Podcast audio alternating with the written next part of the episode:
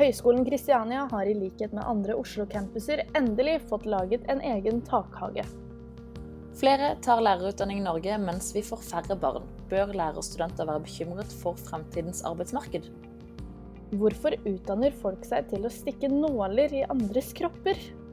Du får tips til hvordan du kan gå frem for å velge Tori master etter bacheloren. Vi tester ut SIO Atleticas walk and talk-tilbud. Og Henke og Tom-lista er et nytt og annerledes studentpolitisk parti på studentparlamentet ved UiO og stiller liste til neste valg. Hei og velkommen til Studentnyhetene her på Radio Nova. Vi holder koken! Vi holder koken. En ny uke, enda en sending fra oss. Jeg heter Nora, og Ina er med meg. Hallo, hallo. Vi har mange spennende saker til deg i dag, men aller først kommer ukas nyhetsoppdatering.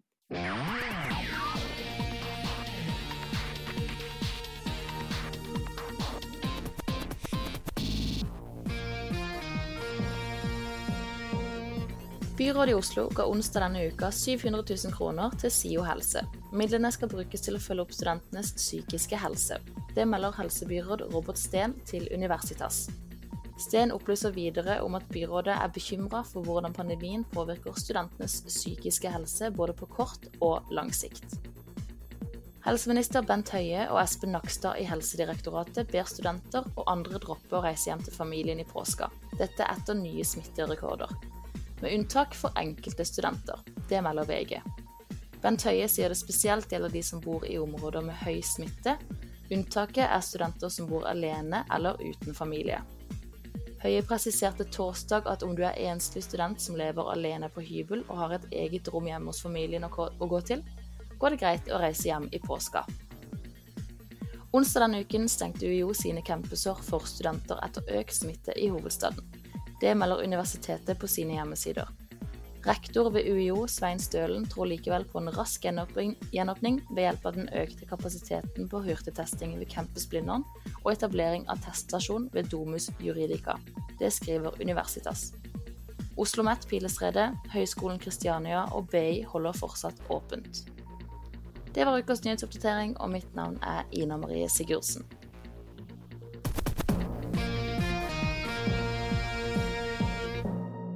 Forrige uke ble det kjent at Høgskolen Kristiania skal lage en egen takhage.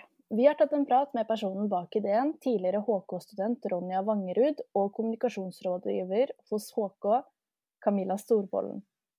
Ronja Vangerud er 21 år og studerer i dag kunst og formidling ved Oslo OsloMet.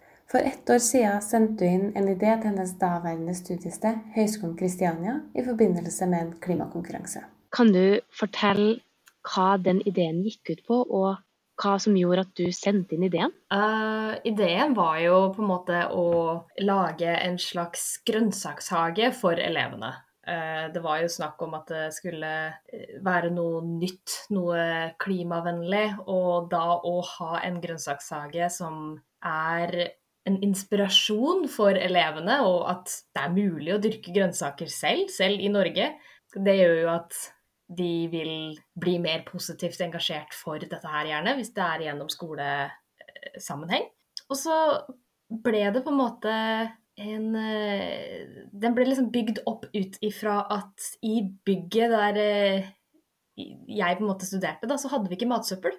Så det var litt sånn OK, jeg har lyst på matsøppel, men jeg føler at man kan gjøre noe mer med matsøppel. Man kan lage kompost. Man kan OK, ja, da kan man dyrke noe i, med å bruke komposten, ikke sant. Og da måtte bygget det seg derfra, da. Hvor involvert er du nå i det prosjektet? Jeg er ikke kjempeinvolvert akkurat nå. Jeg har fått tilbud, men det er litt vanskelig med tanke på at jeg ikke er i Oslo for tida pga. Eh, sykt, eh, pandemien osv. Uh, men uh, jeg, jeg får litt oppdateringer og hører hvordan det går, og jeg er veldig spent på å se hvordan det blir. Selv om Ronja ikke lenger studerer ved Høgskolen Kristiania, har hun likevel litt oversikt over hvordan prosjektet utvikler seg. Nei, men det er, det er veldig festlig på en måte å være og kreativ og på en måte se hva man kan få til. Da. Man må liksom tenke utenfor boksen noen ganger. Og eh, i hvert fall med de eh, Både de tidene vi er i akkurat nå, men også når man tenker på fremtiden. Man, vi er nødt til å endre ting. Vi er nødt til å gjøre noe nytt.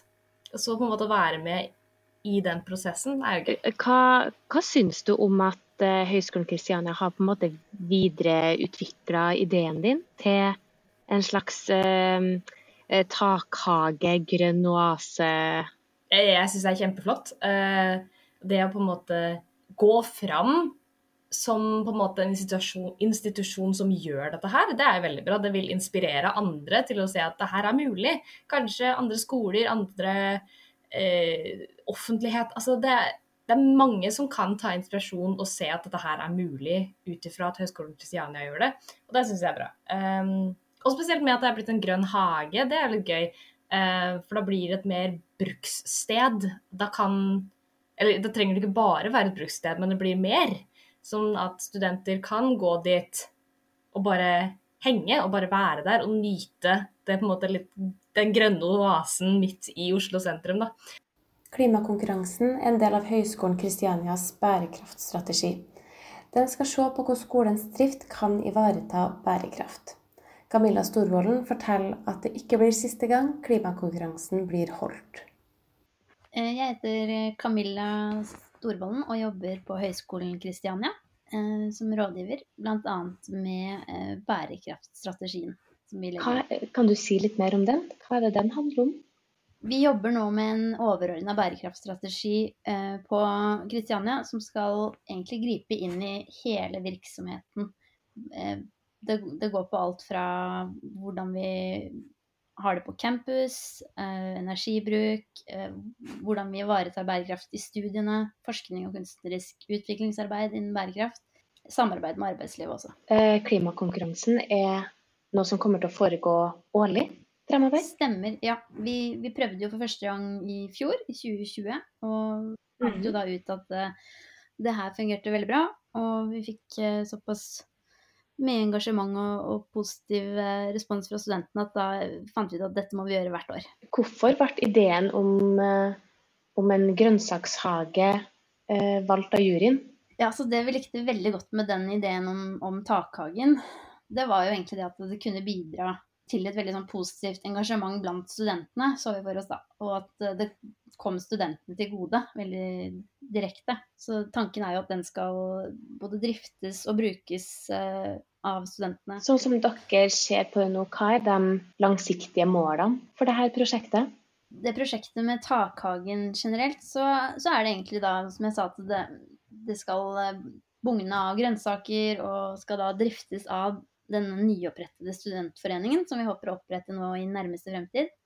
Eh, så blir det da en, et sånn tett samarbeid mellom gårdeier og da kantinedriver, hvor egentlig studentene og den studentforeningen kommer til å få ganske mye frihet og eierskap til hagen, da. Og kan egentlig utvikle den litt i den retningen de vil. Har årets klimakonkurranse vært, eller kommer den? Den kommer. Og den eh, skal faktisk Det er morsomt at du sier, for den skal Den neste klimakonkurransen kommer til å publiseres på Kristiania sine nettsider nå i løpet av ganske kort tid. Så da er det bare å sende inn alle bidrag. Der hørte du Ronja Vangerud og kommunikasjonsrådgiver hos Høgskolen Kristiania, Camilla Storvolden. Reportere var Maren Mjelstad og Stig Gøran Skogvang. Ja, skal vi begynne? Ja, Tenkte du at jeg bare skal begynne, eller? Skal vi begynne? Det er bare å kjøre på. Vi trenger grønt lys. Det er grønt lys Vi må jo ikke så lett som det høres ut som. Studentnyhetene hver fredag på 11 til 12. På Radio Nova. Denne uken kom Statistisk sentralbyrå med tall som viser at det kan gå mot et stort overskudd av lærere i år 2040. Bør lærerstudenter være bekymra for jobbutsiktene, eller er lærerutdanning fortsatt en god idé for å ha gode sjanser i arbeidsmarkedet? Det har vi i Studentnyhetene prøvd å få svar på denne uka. SSB anslår at vi i løpet av de neste 20 årene kan ende opp med nesten 69 000 lærere i overskudd. Dette er mye mer enn i fjor, da overskuddet var på 3000. De skriver i sin rapport at overskuddet hovedsakelig skyldes at flere tar lærerutdanning, samtidig som at vi får færre barn. Vi tok oss en prat med grunnskolelærerstudent Eskil Uggen under lunsjpausen hans i lærerpraksis, for å høre om dette gjør ham bekymret for fremtidens jobbmarked. Det hadde vært kjempesynd hvis eh, jeg gikk inn og tenkte yes, ikke noe problem selv i en eh, by så skal jeg klare å finne meg jobb, men så kan det ende opp eh, litt sånn med andre yrker vi har sett som har en praksis nærhet. Da. Politiet er jo relevant å tenke på da, hvor det er utrolig vanskelig å få deg jobb i steder hvor du har lyst til å jobbe, og du må være veldig åpen for å skulle jobbe eh, ute i en region f.eks., eller være veldig flyttevillig i hvert fall etter at du er utdanna, fordi så sannsynligheten din for å skulle få deg jobb er såpass mye dårligere. Det hadde vært kjempesynd hvis det var sånn det endte opp med å bli da, som lærerutdanning. Da du først valgte studiet, hvordan så du på jobbutsiktene da? Veldig gode. Eh, jeg er jo litt ekstra heldig fordi jeg er mann. Og jeg har ikke meninga å starte noe sånn på generell basis hvor det, hvorfor det er bra å være mann, men det er jo få menn som utdanner seg til grunnskolelærere i forhold til damer, særlig på 1-7, og barnehage er jo enda verre. Så jeg tenkte at ok, som mann så vil jeg automatisk ha en stor fordel, særlig for å søke jobb på barneskole. Fordi der er det såpass ettertrakta å få økt den kjønnsbalansen at for min del så har jeg tenkt alltid her, dette er en utdanning som skal gi meg absolutt trygg. Det er ikke noe å lure på at dere skal få meg jobb. Det er bare spørsmål om hvor jeg har lyst til liksom, å skal jobbe, så lenge jeg er dyktig. Hva med nå etter disse tallene? Ja, altså Hvis det stemmer, da, sånn som SSB sier nå, eh, og det er jo SSB, så det må man jo på en måte også gjøre, og hvis det stemmer på den måten, så jeg er ikke så bekymra for meg selv. Fordi jeg vet hvilken skole jeg skal ut i som jeg nå når jeg er ferdig i 22.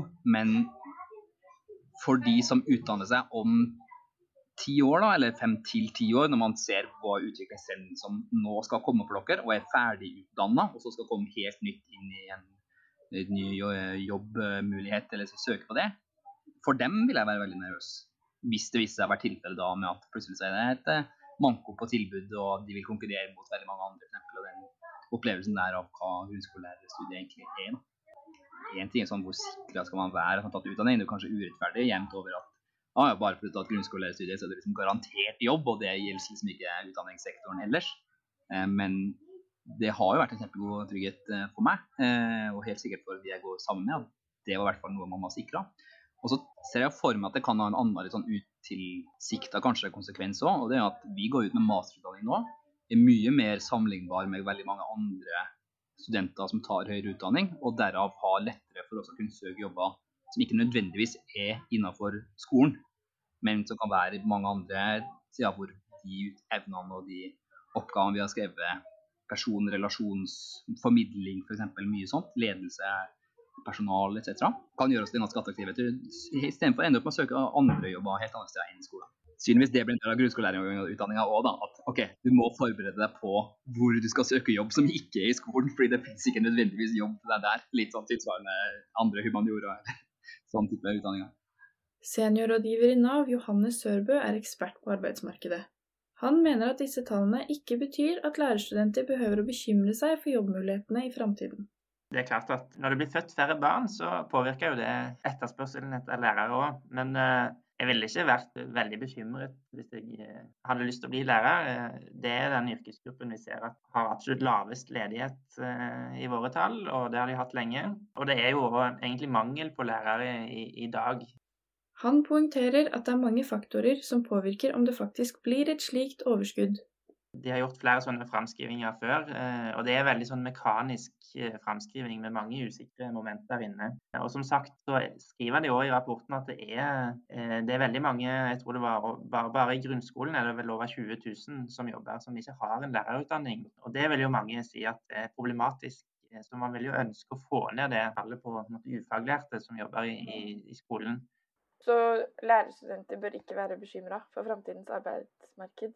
Nei, det ville jeg ikke vært. Altså, jeg, jeg, tror at å ta lærer fortsatt er en uh, veldig trygg utdanning, og det har jo òg noen fordeler. F.eks. For at du kan, uh, det, det, trengs lærere over hele landet, så du, du, kan jobbe, du, kan få jobb i ve veldig mange deler av landet. Det er jo en fordel uh, målt mot en del andre typer utdanninger. Jeg ville ikke vært bekymret. Hvis jeg hadde lyst til å bli lærer, så ville jeg absolutt anbefalt å ta den utdanningen. Takk til grunnskolelærerstudent Eskil Uggen og til Navs arbeidsmarkedekspert Johannes Sørbo, som stilte til intervju. Musikken i innslaget var Night Owl av Broke for Free, og reporterne var Lea Girolami Bråten og Mari Ranheim. Høgskolen Kristiania studentklinikk gir denne måneden gratis behandling for alle studenter. Vi testet ut deres osteopati- og akupunkturtilbud er det farlig å bli behandlet av en student? Og hvordan er det egentlig å jobbe med halvnakne kropper? Sånn, og så Nå kommer det et stikk. Er du klar? Mm.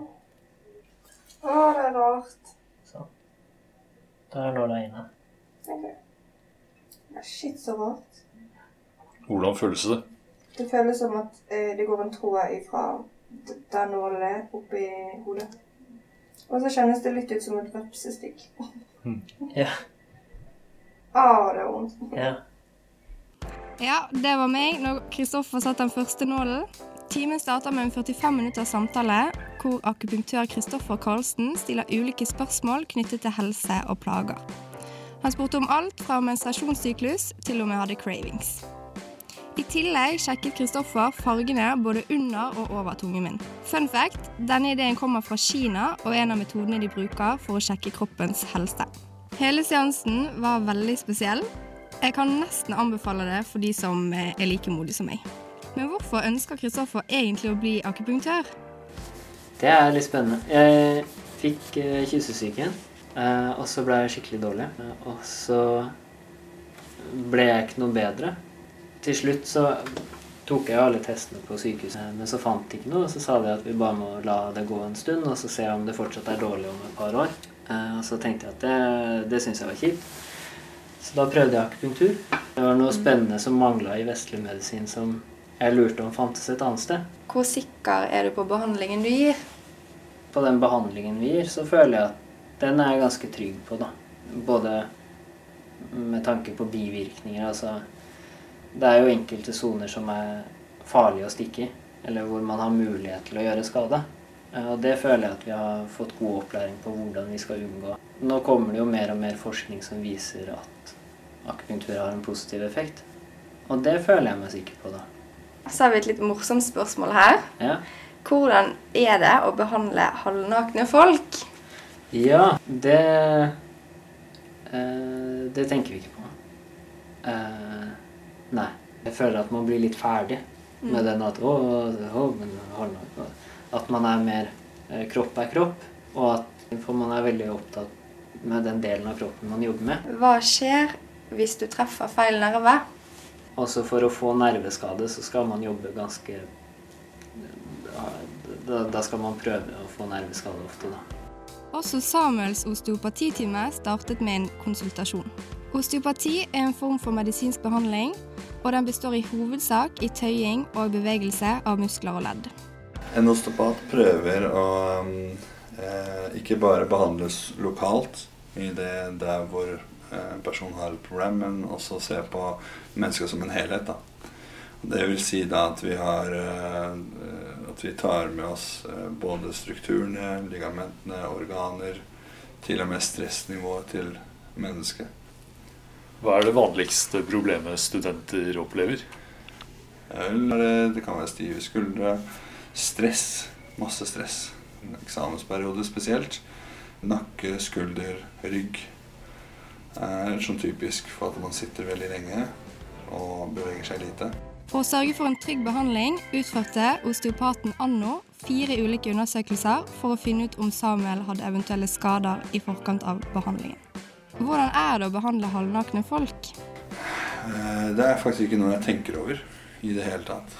Jeg er ikke, ikke på det som at en person er halvnaken. Jeg ser på det som at eh, her må jeg prøve å eh, finne mest mulig svar. Det er sånn jeg ser på det. Jeg tror kanskje vi ser annerledes på det.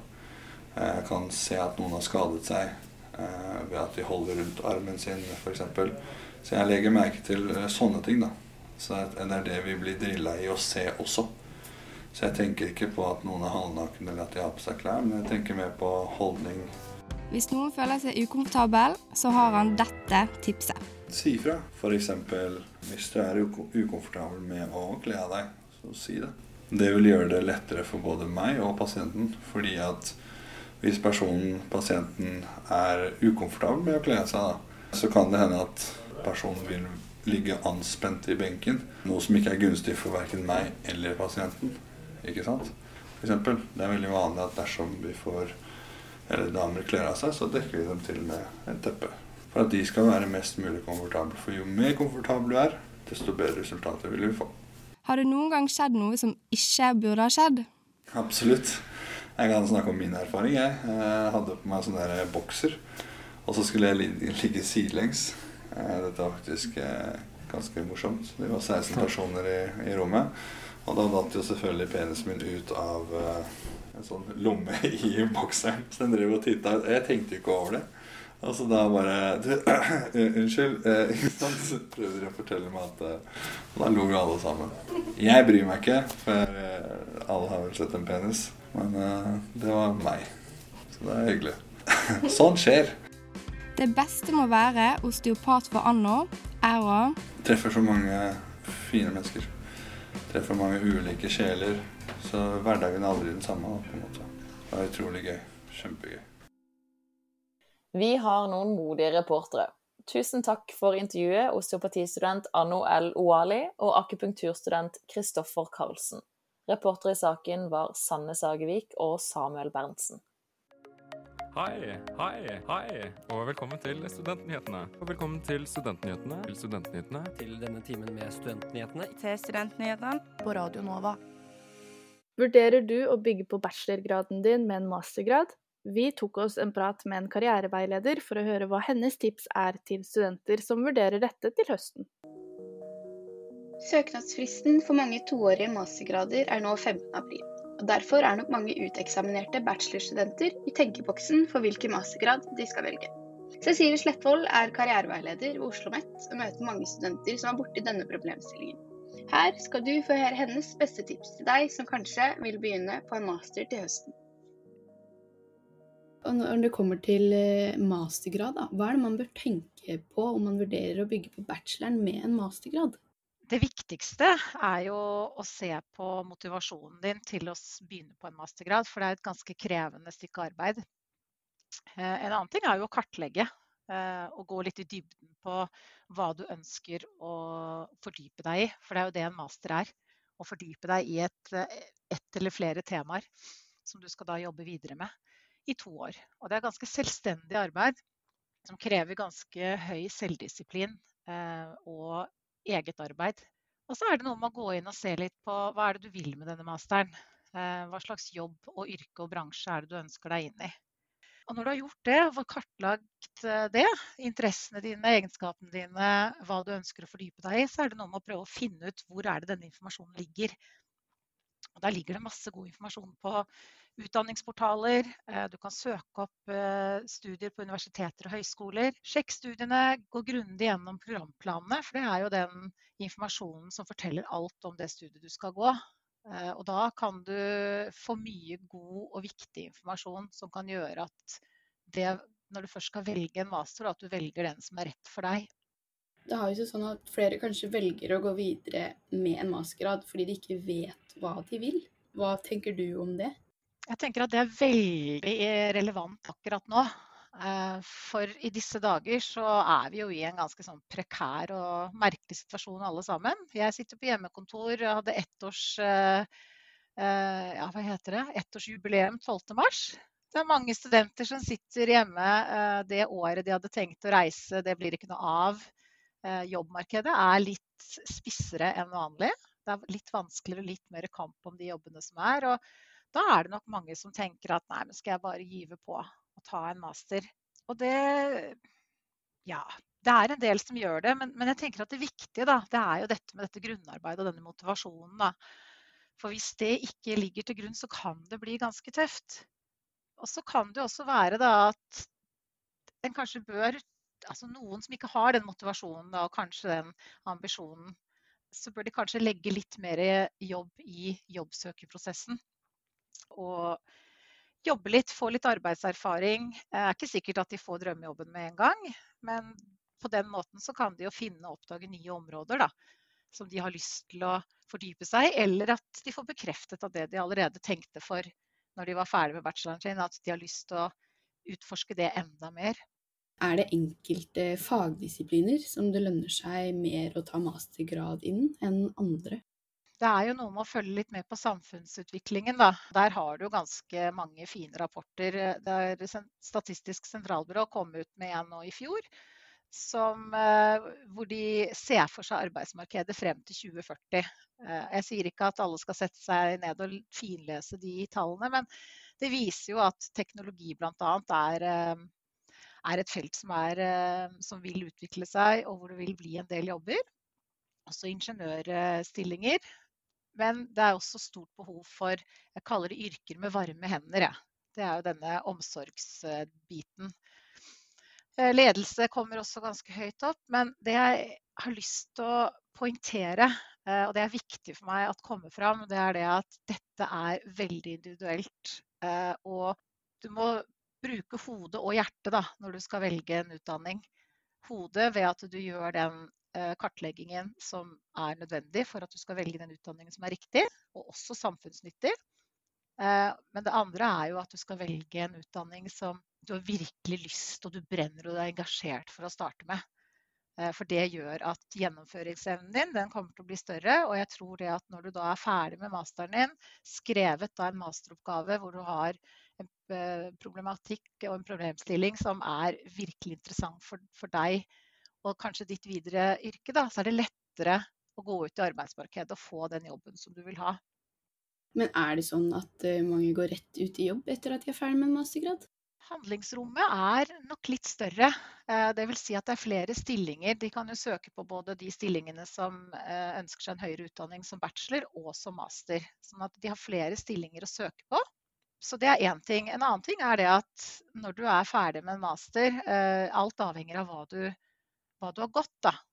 Så er det noe med at det er ikke alltid at du får drømmejobben med en gang det er nok noe vi snakker ganske mye om i veiledningene våre. Fordi når du er helt nyutdannet, eh, så er det ofte slik at når du skal søke på en, en ledig stilling, da, så står det ofte ganske ja, De ønsker seg kandidater med erfaring, eller med arbeidserfaring. Da. Og i noen tilfeller så er det ikke sikkert at den har så mye arbeidserfaring. Har kanskje litt, men ikke så mye som en som har vært i arbeidslivet noen år. Eh, og da kan det kanskje være fint å starte et sted og kanskje jobbe seg opp eh, og få litt erfaring. Så det er noe å tenke på.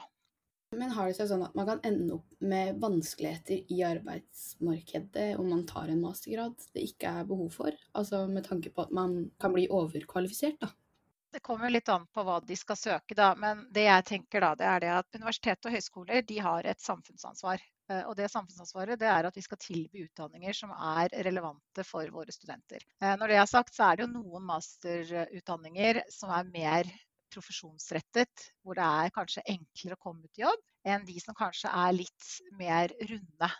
Eh, og med det så mener jeg at da må man jobbe kanskje litt hardere for å få den jobben. fordi at da er du nødt til å være flink til å formidle overføringsverdien av hva du har lært, og den erfaringen du har både fra skole og jobb ved siden av, og hvordan du kan gå inn i en stilling og gjøre de oppgavene med den erfaringen du har.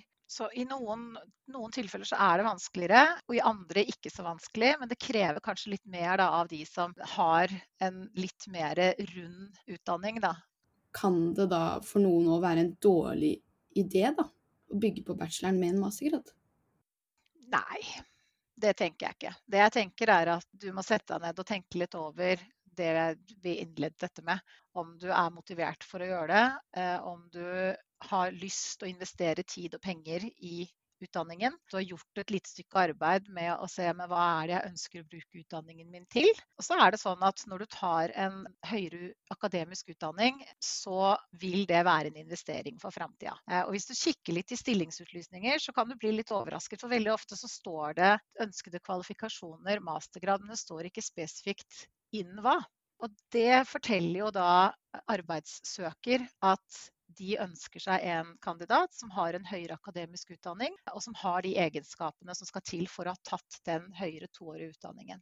Og så er det jo om å gjøre for den personen da, å formidle hva det er de kan, og hva de har lært. Og hva de kan eh, komme med av sin erfaring inn i den rollen. Så det er ikke noe enkelt svar på det. Her må egentlig studentene ta sine egne valg. Men at høyere utdanning i fremtiden i Norge, det kommer til å bli mer og mer av. Det kommer til å bli vanskeligere å få jobb uten utdanning. Men master er ikke for alle. Det holder fint med en bachelor også i noen markeder.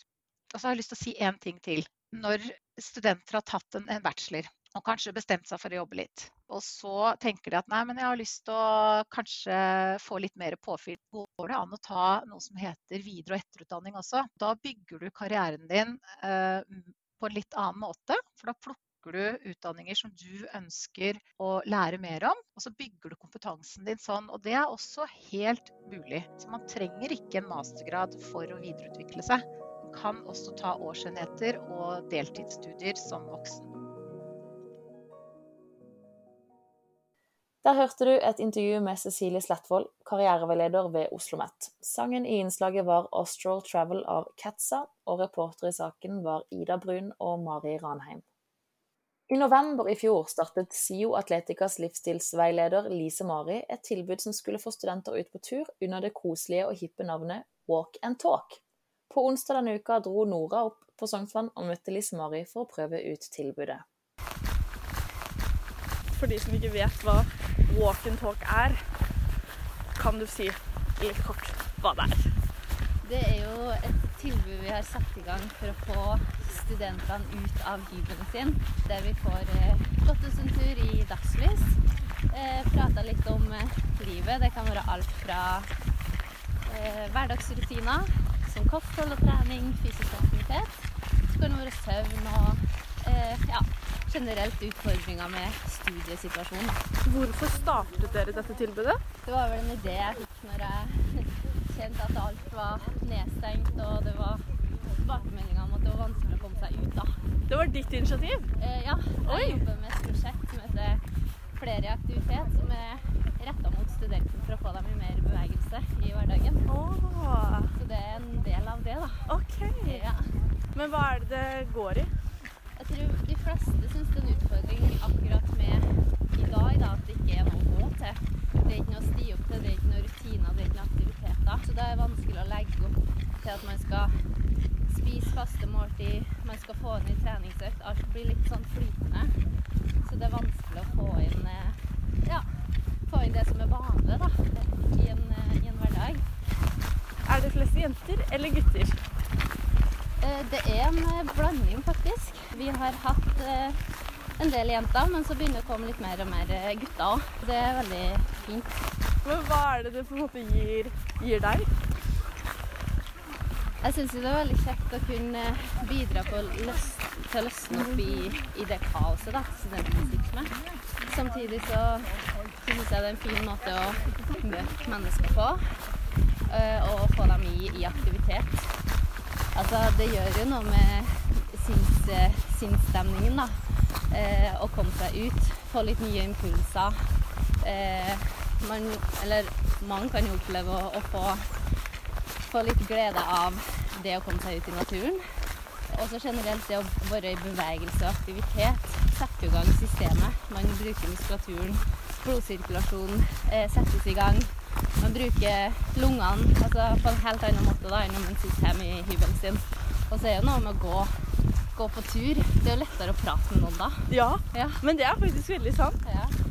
Veldig mye mer avslappa setting. Ja. Og så merker jeg også det må jeg bare si, at det er veldig eh, hyggelig å på en måte se et ansikt. Ja.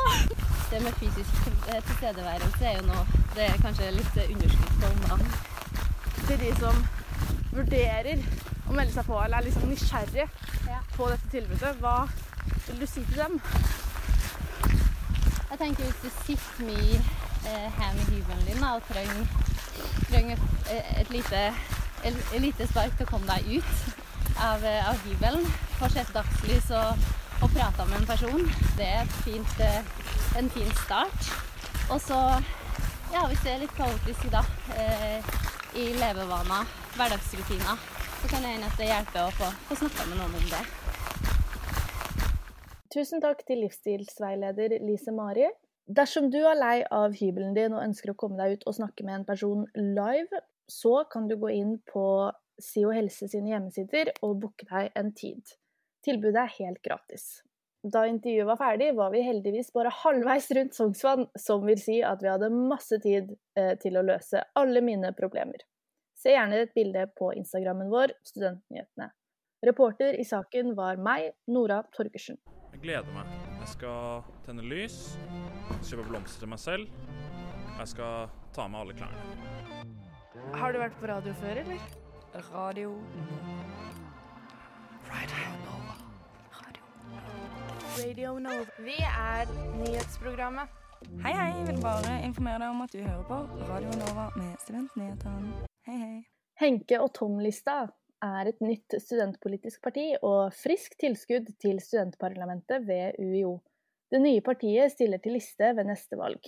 I dette innslaget får du høre mer om partiet og deres kjernesaker, og hvorfor de skiller seg ut blant de andre partiene.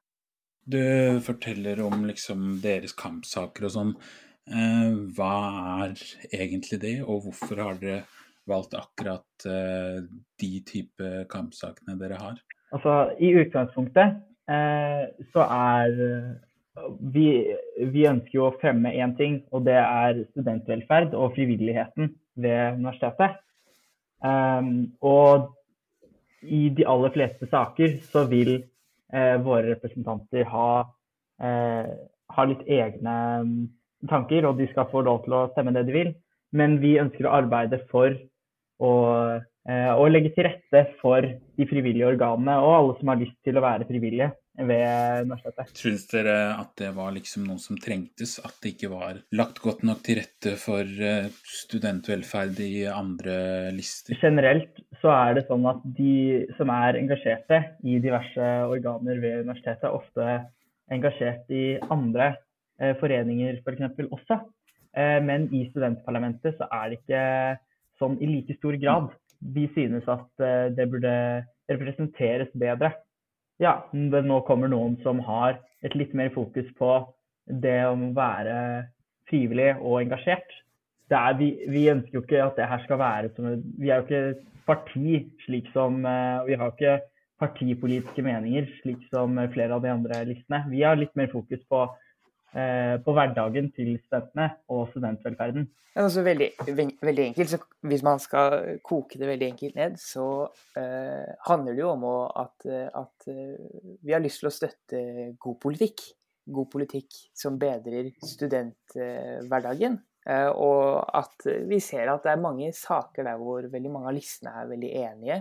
Og at vi heller har lyst til å ha et fokus på å gjennomføre mye av den gode politikken som finnes. Det med at dere liksom går en litt annen type retning og ikke har partipolitiske meninger sånn som mange av de andre har, føler dere fortsatt at dere blir tatt like seriøst som de andre? Det gjenstår jo vi, ja, vi må jo først uh, se etter valgkampen. Til nå har vi jo ikke fått vært med på noen studentparlamentsmøter.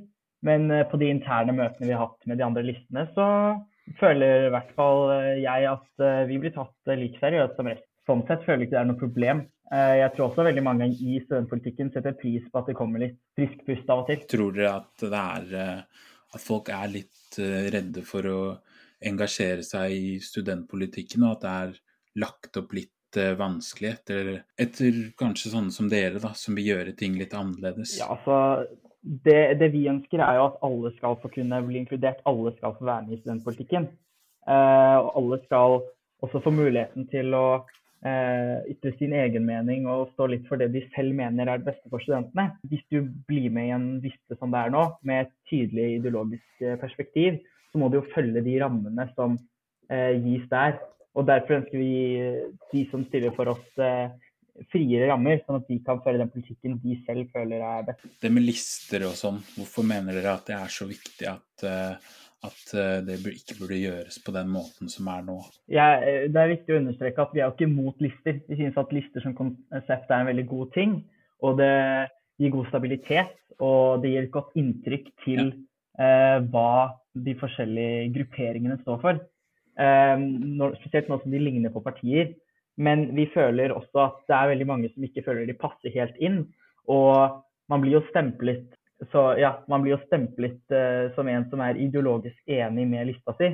Uh, og vi ønsker jo derfor å åpne litt mer for uh, litt enkeltsakskandidater. da. At man At selv de som ønsker At noen som ønsker å bare jobbe for å kunne kunne få flere stikkontakter på Georg Sverdrups hus, eh, og bare har det som fanesak, eh, kan få mulighet til å stille til det. Og så kan alle de som mener at det er en god tillitsvalgt for studentene, stemme på den personen uten at, uh, uten at man trenger å støtte en hel liste, som da ofte kan mene ting som de er uenig i. Tror dere det vil føre til at flere vil kunne tørre å være med og engasjere seg politisk i studentpolitikken? Vi håper jo det, da. Eh, da utgangspunktet vårt er jo å ha et økt fokus på frivilligheten og engasjementet til, til de flotte studentene som går på UiO. Eh, og akkurat nå så er kanskje avstanden mellom eh, altså studentparlamentet og studentene litt for stor. Eh, og at, at, man kan eh, å utfordre etablissementet litt, eh, dra det litt nærmere grasrota. Da. Er det noen grunn til at dere gikk for eh, deres egne navn? Det var en hyggelig gest og en morsom spøk som Thomas kom med da jeg stilte til valg i, eh, for gjestelista forrige gang. Uh, og vi ønsket i utgangspunktet skulle bare være oss to på lista. Uh, og derfor kom vi fram til at Henke og Tom, uh, det er jo oss. Og vi vil jo understreke det at det er bare vi to som stiller, og det er personene man bør stemme på, ikke listene som store organer. og da ble det Henke og Tom-listen. Så fant vi ut senere at for å kunne eh, at det var mye mer gunstig å ha litt flere på lista. Og det var veldig mange som var interessert i å være med. Så vi endte jo opp med en liste på 21 personer eh, som eh, står på den. Men eh, alle støtter at vi beholder det navnet de kom med. Eh, de, alle på den lista er enig i at eh, det er viktig at det blir mer personfokus på Eh, studentparlamentsvalget. Hvordan kommer dere til å jobbe nå videre fram mot uh, valget? da? Ja, vi, vi, ønsker jo at uh, alle skal få se personene der som stiller til valg. Det er jo tross alt de som blir tillitsvalgte. De aller fleste studentene er med, uh, enige om det aller meste. Så vi, vi, presenterer en av kandidatene hver dag neste perioden um, på Facebook-siden vår. Og da får folk se hvem det er de kan stemme på. I dette innslaget hørte du de to politisk engasjerte studentene ved UiO Thomas Tangen og Henrik Vincent Fiske Vassal. Reportere i saken var Sindre Lundstrøm og Stig-Gøran Skogvang. Da var det tid for helgas værmelding, og resten av denne fredagen er det meldt overskya, og temperaturen holder seg på rundt fire varmegrader, men vil sinke til rundt null grader utover kvelden. I morgen starter det med kuldegrader, men rundt formiddagen og kvelden vil gradene kunne stige til ni varmegrader. Det ser også ut til at det kan bli noe sol i løpet av lørdagen. Og På søndag er det meldt opp til syv varmegrader, og det ser ut til at sola vil skinne mesteparten av denne dagen. Dataene fra værmeldinga er henta fra yr.no. Tusen takk for at du hørte på Studentnyhetene i dag. Hør oss gjerne igjen på podkast, og følg oss på sosiale medier. Der heter vi Studentnyhetene. Etter oss kommer radiotjenesten, så ikke skru av. Mitt navn er Nora Torgersen, og med meg i studio i dag har jeg hatt Ina Marie Sigurdsen. Ja. Tekniker i studio i dag var eh, Nora Torgersen. Ha det bra, og god helg. God helg. Du har hørt en podkast fra Radio Nova. Likte du det du hørte? Du finner flere podkaster i iTunes og på våre hjemmesider radionova.no.